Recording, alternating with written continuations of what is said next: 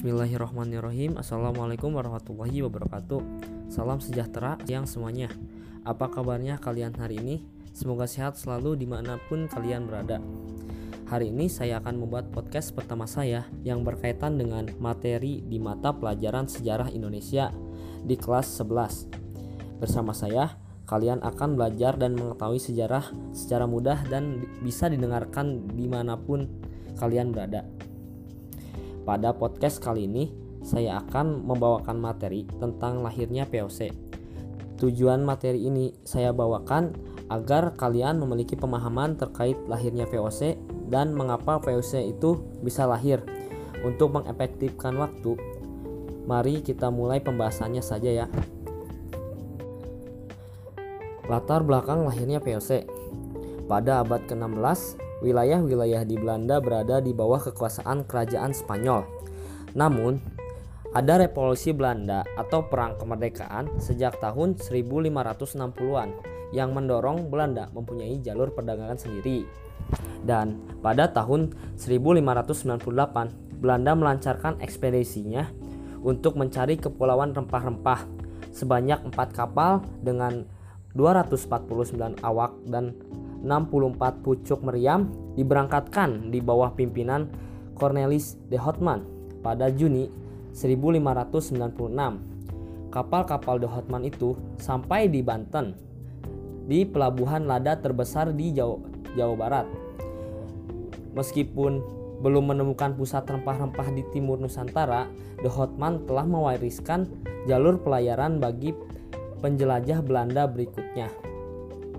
Maka pada tahun berikutnya, Belanda kembali menggelar ekspedisi besar-besaran ke Nusantara. Dan kini mulailah zaman yang dikenal sebagai zaman pelayaran-pelayaran liar atau tidak teratur, wilde vaat yaitu ketika perusahaan-perusahaan ekspedisi Belanda saling bersaing berjuang keras untuk memperoleh bagian dari rempah-rempah Indonesia. Tulis Rick Rickless pada tahun 1598 sebanyak 22 kapal milik lima perusahaan Belanda yang berbeda berlayar ke Nusantara. Armada yang dipimpin oleh Jacob van Necklah yang pertama tiba di Kepulauan Rempah-Rempah yaitu Maluku pada Maret 1599 dan kapalnya itu kembali ke Belanda pada tahun 1999 sampai 1600 dengan mengangkut banyak rempah-rempah. Keuntungan yang diperoleh Belanda itu mencapai 400%. Banyaknya keuntungan itu memikat Belanda, namun persaingan yang dilakukan para pengusaha Belanda itu tidak sehat. Harga naik dan terlalu banyak pengiriman ke Eropa dan keuntungannya yang dihasilkan pun terlalu kecil.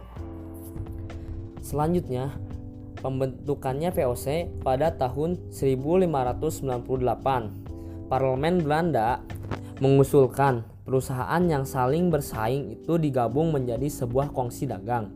Maka pada Maret 1602 terbentuklah Perserikatan Maskapai Hindia Timur, yaitu yang disingkat POC Enam wilayah di Belanda punya perwakilan atau majelisnya di POC itu. Setiap majelisnya mempunyai sejumlah direktur. Jumlah direkturnya yaitu 17 dan disebut juga de Heren atau Tuan 17. Amsterdam sebagai ibu kotanya punya peranan yang sangat besar. Markas POC juga terletak di Amsterdam. Oleh karena itu, Amsterdam dapat jatah 8 dari 17 direktur hak otori dan gubernur jenderal parlemen Belanda memberikan VOC memiliki hak istimewa atau hak otori. Hak otori yang dimaksud memberi kewenangan bagi VOC untuk melakukan monopoli perdagangan rempah-rempah di wilayah antara Tanjung Harapan sampai Selat Magelan termasuk Nusantara. Terus merekrut pegawai atas dasar sumpah setia membentuk angkatan perang, melakukan perang, membangun benteng, mengadakan perjanjian di seluruh Asia, mencetak dan mengeluarkan mata uang di awal operasi VOC.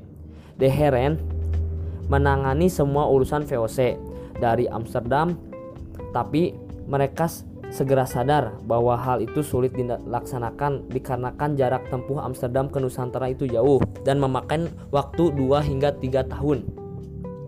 Di awal kedatangan POC, sibuk memerangi Portugis yang datang lebih dulu begitu juga perlawanan dari penduduk lokal agar bisa menangani urusan perdagangan dan ekspansi lebih baik lagi.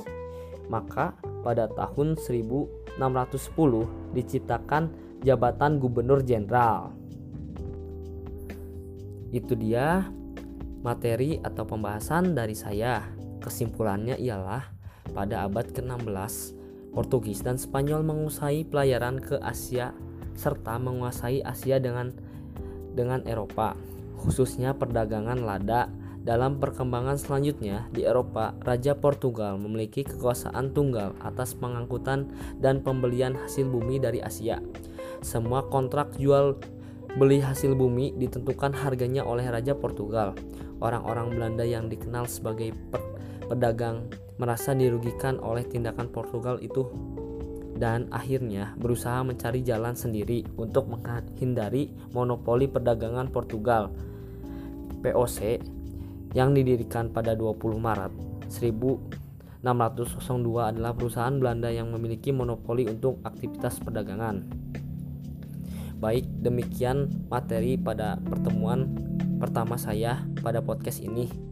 Semoga bermanfaat bagi kalian semua. Jangan lupa jaga protokol kesehatan. Sekian dari saya. Wassalamualaikum warahmatullahi wabarakatuh.